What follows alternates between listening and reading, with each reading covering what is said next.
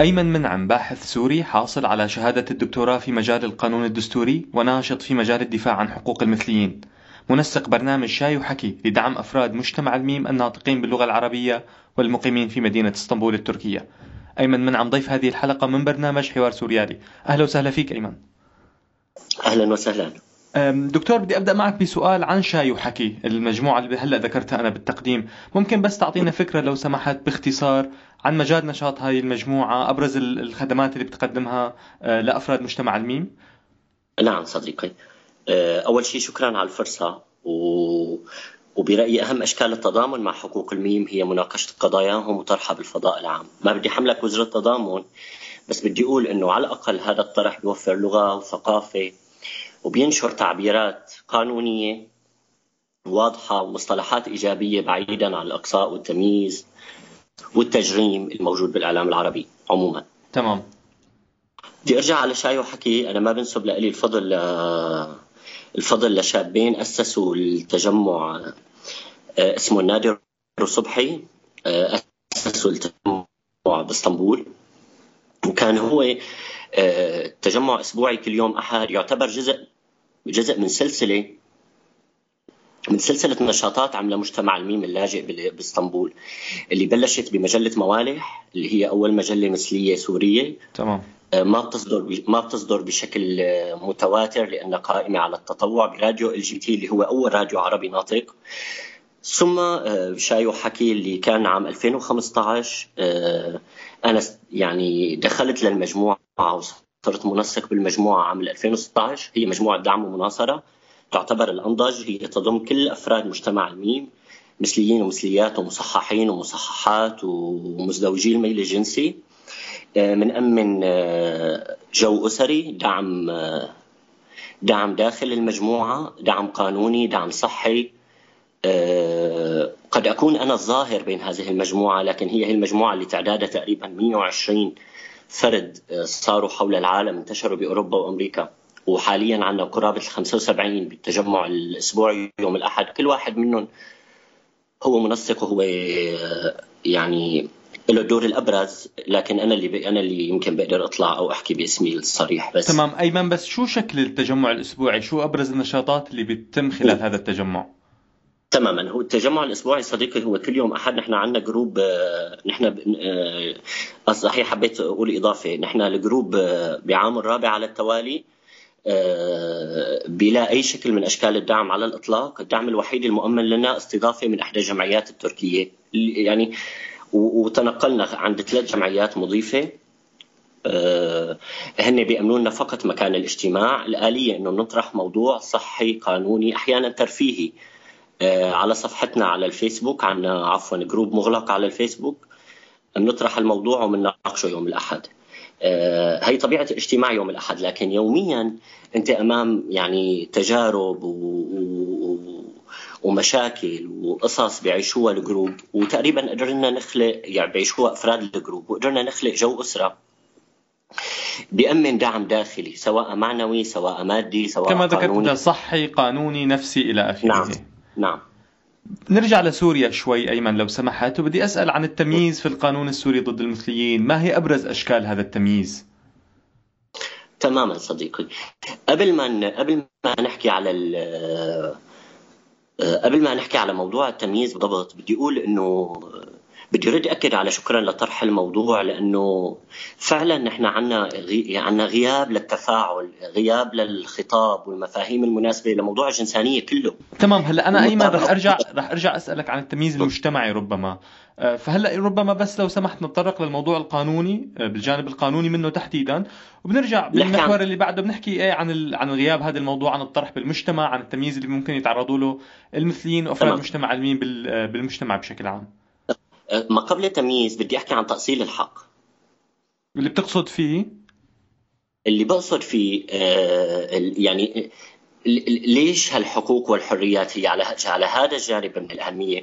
نحن عندنا المادة 2 من الإعلان العالمي لحقوق الإنسان اللي بتمنع أي شكل من أشكال التمييز بسبب العنصر، اللون، الجنس، اللغة، الدين أو الرأي سياسيا وغير سياسي، وهون أنا ما بدي فوت بجدلية آه، هل هو خيار أو أو موضوع جيني لأنه هذا الموضوع أنا ماني مختص وما بقدر أجاوب عليه لكن أنا بقول لك قانونا. لما أنا عندي المادة الثانية من الاعلان العالمي لحقوق الإنسان شاملة لكل هي المك... لكل هي الاختلافات وتجرم أو تمنع التمييز بناء عليها.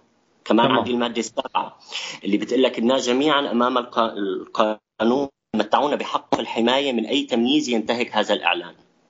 لكن طبعا للأسف بالقانون السوري هدول ال... هدول القانونين يعني ما ما بينعكسوا. ومن أي تحريض على مثل هذا التمييز؟ طبعا من باب أولى كان أنا عندي بال بال بالدستور السوري آه، نفس المادة المادة 2 من الدستور السوري والدساتير السورية المعمول فيها كلها. عفوا المادة 33 اللي هي تحت باب الحقوق والحريات هي بتقول لك الحرية حق مقدس تكفل للمواطنين حريتهم الشخصية المواطنون متساوون في الحقوق والواجبات لا تمييز بينهم بسبب الجنس أو الأصل أو اللغة أو الدين أو العقيدة يعني حتى حتى الدستور السوري المعمول به حاليا وكل الدساتير القديمة هي تصون حريتك الخاصة، المادة 36 من الدستور الحالي بتقول الحياة الخاصة حرمة يحميها القانون. تمام، لكن وين المشكلة اذا؟ المشكلة بمد بماده تجريم الماده 520 من قانون العقوبات. اللي بتعاقب المثلية تحت عنوان آه، المعاشرة خلاف الطبيعة. آه، آه، وتعاقب بالحبس لثلاث سنوات أي مثلي بناء فقط على هويتك الجنسية. هذا بينطبق أيضا على المثليات ولا فقط على المثليين الذكور؟ شكرا على السؤال. حقيقة هو هي المادة لا تط... يعني ما طبقها القضاء السوري. يعني أنت إذا بتروح على سجل على سجلات المحاكم لن تجد حكم بسبب الم... يعني مبني على هي المادة القانونية، هي المادة القانونية بس بتخلي دائما أبناء مجتمع الميم عرضة للانتهاك بت... عرضه لتطاول الشرطة عرضة لأنه هو فعل مجرم. نعم هناك سيف مسلط من القانون على رقابهم دائما. تماما. وبمنظومة الفساد اللي بتحكم اللي يعني ولا أجمل هون تحكم جانب من القضاء السوري. آه، آه، آه، كانت القضايا دائما يعني يتم تغطيتها ويتم فبركتها ويتم دفع رشاوى قبل ما توصل لمرحلة الحكم القضائي. سؤالك كثير مهم. هو هي المادة تقول بالمعاشرة خلاف الطبيعة. يعني هي لم تحدد مثليين أو مثليات. هي تشمل حتى إذا عاشر الرجل امرأته خلاف الطبيعة بعدم رضا منها. تمام. وهون هي تطلق شرعا ويسجن الرجل ثلاث سنوات. بقى هو القانون لم ي... ما بيطبقها على الرجل ما بيطبقها على المثليات لأنه إثبات الفعل الجنسي في الحالة المثل... يعني بين المثليات صعب كثير وعادة تتم العلاقات بين المثليات بتوقع بهامش سرية أكبر. تمام. آه... لكن من مثل ما قلنا المادة 520 من قانون العقوبات السوري اللي هي من عام 49 آه، تحظر إقامة العلاقات المثلية وتصفها بمعاشرة على خلاف الطبيعة وتعاقب عليها بمدة قد تصل إلى ثلاث سنوات. نعم لأنها تسمح للضابطة العدلية وللشرطة ولا يعني لأيا يكن يمثل السلطة التنفيذية استهداف المثليين فقط بناء على هذا التوجه الجنسي. طبعا مثل ما قلنا أنه هي عند المثليين أكثر بشكل أكثر من عند المثليات لكن البادرة الإيجابية اللي صارت كونه نحن ولبنان عندنا نفس المادة القانونية بنفس الرقم هي المادة 520 سلسلة أحكام قضائية من محكمة البداية بجبل لبنان وبتوقع ببيروت آه، أكدت أنه هذه المادة لا تشمل المثليين لأنه هي تسمى مجامعة على خلاف الطبيعة وارتأى القاضي أن المجامعة المثلية هي مع الطبيعة أو من الطبيعة. مؤخرا 2018 طلع آه، قرار من محكمة الاستئناف يصادق على هي أحكام البداية. وإذا ضل ماشي القضاء اللبناني على هي الوتيرة بوجود قضاة فعلا عندهم فهم قانوني وعندهم جرأة ممكن ينتقل لمحكمة التمييز بلبنان اللي هي صنو محكمه النقد عنا وإذا اقرتها الهيئة العامة فنحن أمام تشريع. تمام. نرجع اذا للتمييز المجتمعي اللي كان واضح من البداية إنه عندك شيء تقوله بهذا الخصوص أيمن، مو بس التمييز بالجانب القانوني وإنما التمييز المجتمعي بالعادات والتقاليد ربما ببعض الأعراف المتبعة بمناطق معينة عند أتباع أديان معينة ربما، شو برأيك أبرز أشكال التمييز المجتمعي الموجودة بسوريا تجاه المثليين والمثليات؟ تماما أول أشكال التمييز المجتمعي هي الإنكار يعني حقيقة في حالة تجاهل يعني لا يتم طرح لا يتم طرح فكرة حقوق المجتمع الميم إلا يا من باب الخطاب الإعلامي اللي أحيانا يكون فيه شيء بيصل لحد جرائم الكراهية أو التحريض عليها أو التجاهل التام لهي القصة بس هون أنا ما فيني أعتبر آه، إنه هناك استهد... يعني هناك تجاهل لحقوق مجتمع الميم بسوريا لأنه في غياب لمشت... لحقوق المرأة، في غياب لحقوق الطفل، في غياب لحقوق العامل. تمام آه، التجريم المش... التجريم المجتمعي اللي هو يعني يعتبر برأيي هو أبرز أبرز أعداء أبرز أعداء مجتمع الميم لكن أصله الجهل أصله غياب غياب المعرفة. وما بدي أوصم ما بدي أوصم اللي عنده الرأي مخالف بالجهل لكن أقصد إنه فعلا هن ما بيعرفوا شو معنات أفراد مجتمع الميم. يعني ودائما متأثرين بالدعاية ودائما متأثرين بالخطاب الإعلامي. ما في ثقافة حقيقية لفكرة الجنسانية كلها. يعني فما بالك من باب أولى أنه مجتمع الميم يكونوا آه، بيتعرضوا لتمييز، المجتمع السوري بالذات يميز ضد المثليين الذكور آه، في حين أنه المصححين والمصححات جنسيا وعندنا أحكام قضائية بلشت بال 2004 على تصحيح الجنس بسوريا وآخرها كان بتوقع 2012 بحلب. آه، بتشوف أنه المجتمع يتعامل مع أبناء مجتمع الميم المصححين والمصححات بطريقة جدا مقبولة، يعني هو ما عندهم مشكلة مع اللي عنده من الأصل سبب عضوي لتغيير الجنس فيعامل إما ذكر عاد إلى امرأة أو امرأة عادت إلى ذكر. المشكلة برأيي الأكبر هي مع المثليين الذكور وطبعا العنف المجتمعي آه، مختلف يعني أنت إذا كنت من أبناء البيئة الميسورة بدمشق وحلب وأنت نعم. تحمل هذه الهويه الجنسية. لن تواجه ما راح تواجه هال هل مستوى من العنف؟ مستوى من العنف قد يكون ينتقل من اللفظي للجسدي. للجسدي مباشرة. عند الطبقات الأقل حظا. لكن أيضا حتى مثلا بأنواع الشتائم بسوريا بطريقة النظر إلى الشخص المثلي حتى هو ماشي بالشارع. يعني نذكر أمثلة من حياتنا الشخصية ربما آه، أيمن إذا كنا نتذكر كيف مثلا يتم التعامل مع شخص يكون مثلي ماشي بالشارع بالجامعة ربما بالمدرسة.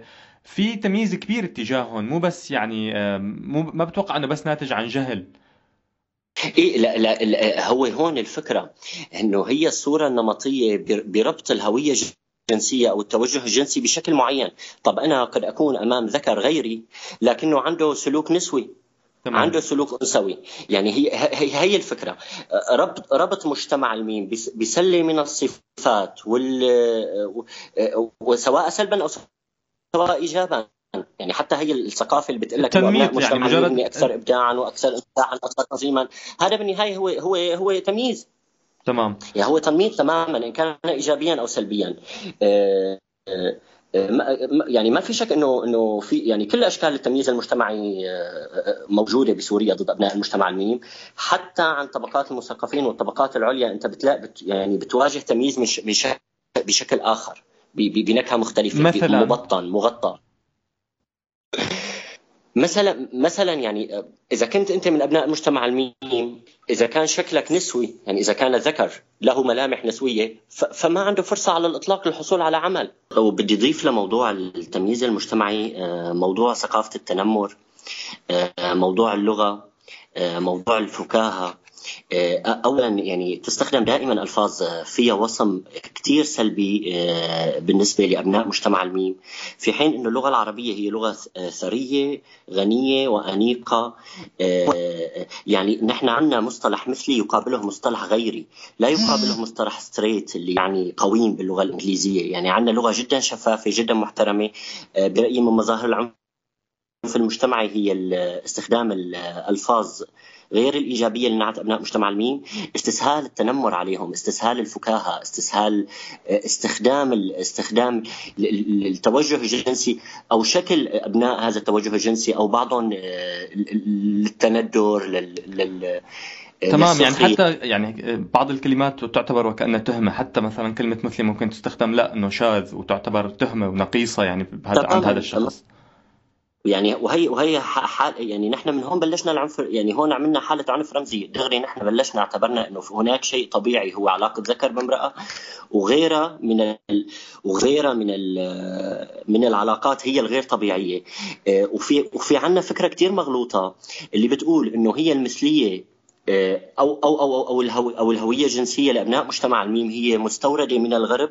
وفي حين أن رهاب المثلية هو هو منتج عربي أو منتج خليني أقول إسلامي هذا الكلام غير صحيح بينقضه التاريخ لأنه نحن عندنا تاريخ آه، آه، رمسيس عوض عنده كتاب اسمه المثلية وأصول الإبداع. بيأكد فيه أنه العلاقات المثلية المدونة بلشت 2400 قبل الميلاد عند الفراعنة وتاريخ طويل اغريقي روماني ثم إسلامي. كلياتنا بنعرف عن أب... عن ابن النوا... عن أبو نواس وعن ابن الرومي ثم عثماني.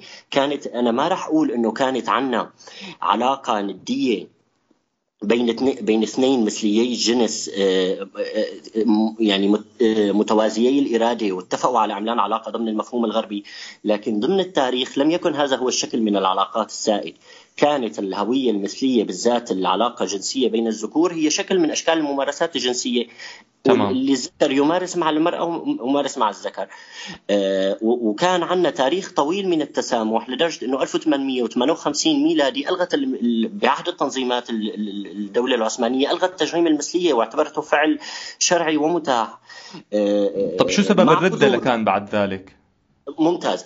آه، لأنه بعد بهذا التاريخ بالضبط بعده قليلا آه، آه، بيأكد ميشيل فوكو إنه بكتابه المثلية الجنسية بيأكد إنه أول ظهور لتجريم المثلية الجنسية كان على يد الملكة فيكتوريا ملكة بريطانيا اللي اللي اللي ما استساغت إنه أبناء الطبقة الأرستقراطية ببريطانيا يمارسوا جنس مفرط مع الذكور وأدى ذلك إلى تجريمه وبعد سنتين محاكمة أوسكار وايلد الشهيرة وحبسه سنتين سنين بس أنا ليش استشهدت هون؟ ليش قفزت لفيكتوريا؟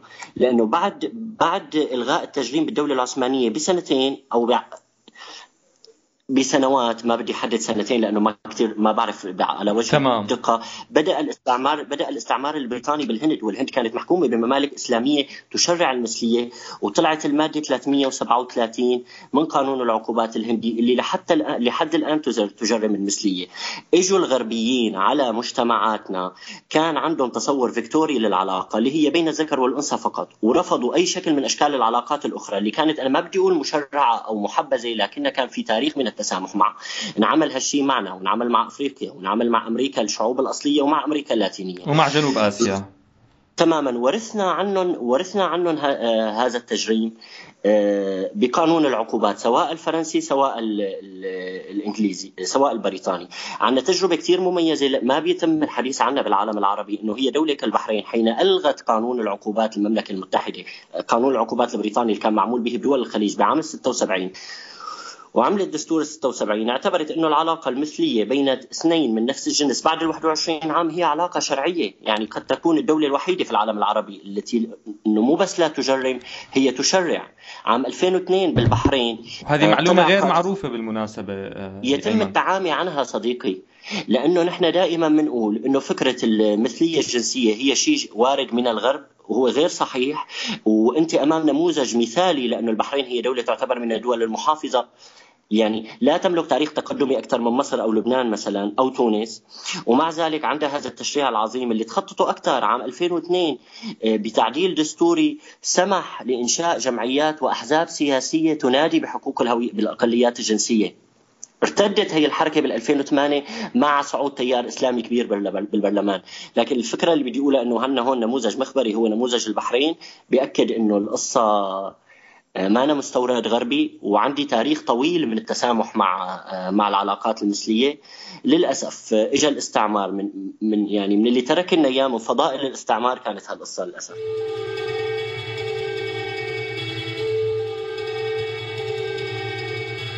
عم تسمعوا حوار سوريالي بعام 2011 أيمن يعني بدأنا نشهد ثورات الربيع العربي أواخر 2010 بدايات 2011 قبل ما أنتقل لهذا المحور أود أن أسألك ما هي أبرز أشكال المقاومة الثقافية المجتمعية من قبل مجتمع الميم قبل عام 2011 المقاومة ضد التجريم في القانون المقاومة ضد التمييز المجتمعي. جميل جدا. صديقي المق... يعني هلا نحن أمام حالة آه، آه، بسوريا. تمنع التظاهر تمنع التنظيم تمنع تنظيم أي جمعية لأنه بما أنه نحن مجرم المثلية بقانون العقوبات فأي جمعية تنادي بحقوق المثليين هي مخالفة للقانون العام لذلك ما تأخذ رخصة. بعيدا عن أنه من الصعوبة إنك تأخذ رخصة لأي جمعية حقوقية. بقى نضال حقوقي بالأطر القانونية ضد التجريم ما كان. آه، نضال نضال مجتمعي ونضال ثقافي.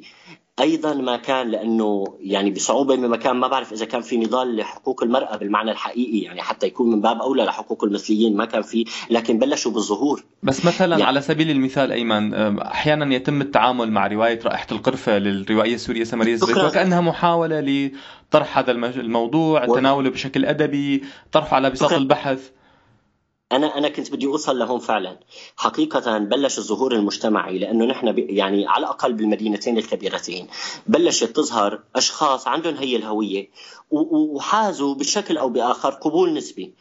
اللي قبول نسبي أو رفض نسبي آه، لكن لم يكن يعني بأوساط اجتماعية معينة ما كان في هذا القدر من العنف. لكن اللي بدي أقوله إنه فعلا تسللت القصة للرواية وأنا هون بحب أقول على إنه سمر يزبك عملت رواية كتير جميلة. آه، ما كان فيها شكل من أشكال المحاكمات. آه، خالد خليفة بعد 2011 ب لا سكاكين في مناطق مطابخ في مناطق هذه المدينة قدم قدم كثير آه، آه، رواية متوازنة لم يحاكم آه، وما حط أنا اللي بدي أقوله إنه الأدب السوري كان أرقى بكثير من التجارب الأخرى بالأدب العربي وأنا فعلا لست مختص لحتى قارن لكن مثلا إذا بتشوف رواية علاء أسواني هي عمارة يعقوبيان. اللي أوجدت مبرر أخلاقي على أنه هذا أمه أجنبية كانت تاركته للشخص المثلي وتعرض لاعتداء من من مساعد منزلي من النوبة وبحوار أدبي بيقعد بيعاتب أهله اللي اشتركوه. عنا بالأدب السوري آه، ما كان عنا لا محاكمة وما كان عنا إيجاد مبررات أخلاقية. آه، كانت عنا تجربة فعلا ناضجة. كمان عنا بكوابيس بيروت 75 غادة السمان. 75 عفوا غادة السمان.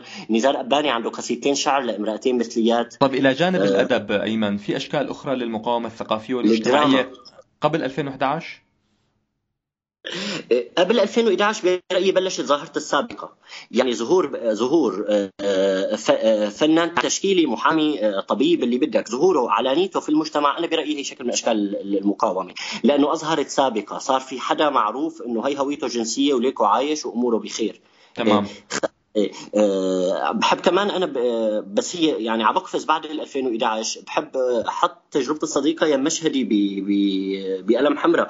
أنا برأيي من التجارب الدرامية اللي كثير ناضجة اللي اللي, اللي كمان قاربت موضوع نعم كان في شخصية شاب مثلي وتم التعامل معه يعني بوضوح إلى حد ما بالمسلسل. بوضوح وبنص أنيق. لا يحاكم ما بيطبل وبيزمر. كثير كان جميل. يعني أنا بحس إنه نحن كسوريين كثير كان المنتج الثقافي عنا متوازن رح نرجع ايمن إيه، رح نرجع مثلا أي ممكن المكاسب اللي تحققت بعد 2011 لكن قبلها بدي أذكر أو بدي أسألك. تحديدا عن الانتهاكات اللي ربما تعرض لها مثليون بعد 2011 نحن شفنا ببداية الربيع العربي موجة من الأمل الطموح بتغيير ديمقراطي يستوعب مختلف الأقليات الجنسية وغير الجنسية العرقية الدينية إلى آخره. لكن لاحقا للأسف شفنا تطورات دراماتيكية مثلا بسوريا صار يتم إلقاء المثليين من شاهق أو من بناء عالي. هذا الحكم اللي كان ينفذه تنظيم الدولة الإسلامية المعروف بداعش وتنظيمات أخرى منها ربما تهم كتائب تهمت كتائب أبو عمارة التابعه للمعارضة السورية بتنفيذ مثل هذا الانتهاك. شو في أبرز الانتهاكات اللي تعرض لها المثليون؟ أه، والمثليات طبعا بعد 2011 بالعالم العربي بشكل عام وبسوريا بشكل خاص. هلا خليني آه، آه، آه، نحن حين بدأ ربيع الشعوب الناطقة بالعربية ربيع هذه المنطقة كان عندنا ظاهرة كثير جميلة في التظاهرات ضد زين العابدين بن علي بتونس إنه رفعت أعلام قوس قزح. يعني هون بيعطيك إنه كانت الثورة لها أبعاد اجتماعية وما كانت فقط سياسية لقلب النظام بكل العالم العربي. للأسف شو صار؟ للأسف هو حكم قوى الأمر الواقع. قوى الأمر الواقع لا تتعامل بإنسانية لا مع الأنثى ولا مع الهويات الجنسية المختلفة آه، وتعرضوا للأسف آه، وهذا اللي دفع أغلب أبناء مجتمع الميم للهرب وللجوء تعرضوا أولا أولا أنت تعرضت لشكل إذا كان إذا إذا كانت هويتك الجنسية أو توجهك الجنسي واضح فأنت تعرضت لكل أشكال العنف اللفظي والجسدي والتنمر وأحيانا التوقيف على الحواجز لأنه العسكري اللي بيحمل سلاح تمام. بتكون معايير محاكمته الحقوقية أو احترام إنسانيتك أقل ثم إذا انتقلنا للمناطق اللي حضرتك يعني قد تكون أجدر مني بتوضيح من هي الكتائب المسؤولة. لكن أنا من خلال آه، كقارئ غير مختص أنا بأكد لك إنه كل الكتائب الإسلامية اللي كانت حاكمة يعني كقوى أمر واقع مارست جرائم بحق أبناء مجتمع الميم. آه، بيفرق تنظيم الدولة إنه مجرم بيصور جريمته. هذا هو اللي ناهيك عن الاهتمام الغربي المبالغ فيه وكأن وكأنه يعني وكانه المسؤول فقط عن معاناة أبناء مجتمع الميم العربي هو تنظيم داعش اللي عبزتهم من شاهق. هي حقيقة هي صورة من صور الاضطهاد والعنف اللي اللي بيشوفوه بحياتهم اليومية. وبحكم قوى الأمر الواقع ودخول العسكره فهن يستهدفوا الفئات الاضعف اللي هي أكيد الأقليات الجنسية.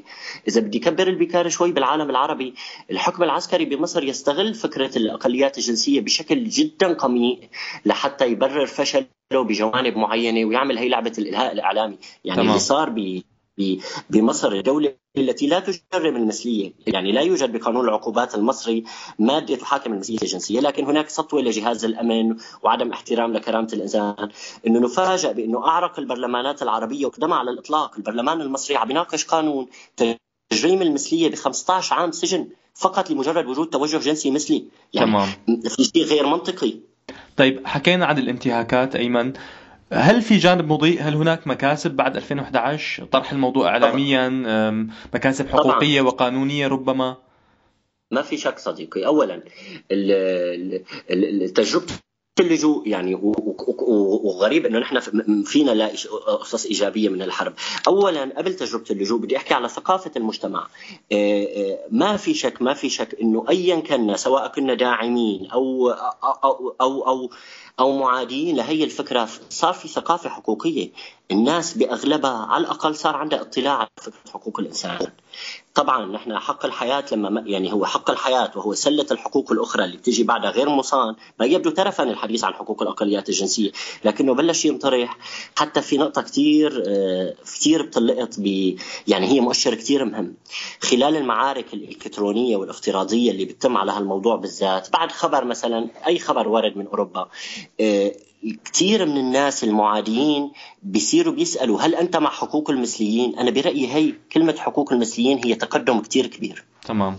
أنت تعترف بحقوق الآن منتقصة أنت ضدها هي غير موجودة أو مو موجودة الثقافه بلشت تجربة اللجوء اللي أعطت فرصة كثير كبيرة لشباب صغار بالذات بتركيا الدولة اللي فيها مجتمع مدني جدا قوي فيها حراك مثلي جدا قوي فيها تاريخ من عدم التجريم.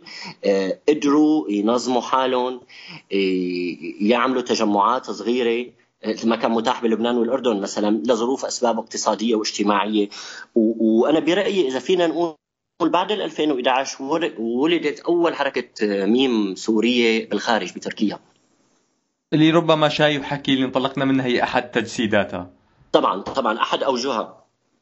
أنا بهذا السؤال بكون وصلت لنهاية حلقتنا لهذا اليوم. بحب أشكر أصدقائنا المستمعين على حسن استماعهم وأشكر ضيفنا الدكتور آه، أيمن منعم الناشط في مجال الدفاع عن حقوق المثليين والباحث السوري الحاصل على شهادة الدكتوراه في مجال القانون الدستوري. شكرا جزيلا أيمن. شكرا جزيلا ملاذ. شكرا فعلا لشخصك وحابب آه، بس ضيف شغلة فضل. أخيرة سريعا. آه، إنه نحن فعلا بمكان كثير أفضل. آه، دولة مثل إيرلندا اللي كان 2015 باستفتاء شعبي وهي الدولة الوحيدة باستفتاء شعبي أقرت حقوق المثليين وأقرت الزواج والتبني كانت عام 1993 تجرم الفعل المثلي. نحن يعني عم نتطور بسرعة و... وما شي ما في شيء رح يوقف حركة الحقوق والحريات اللي جاي إن شاء الله. شكرا, شكرا جزيلا. شكرا ايمن ممنون ممنون.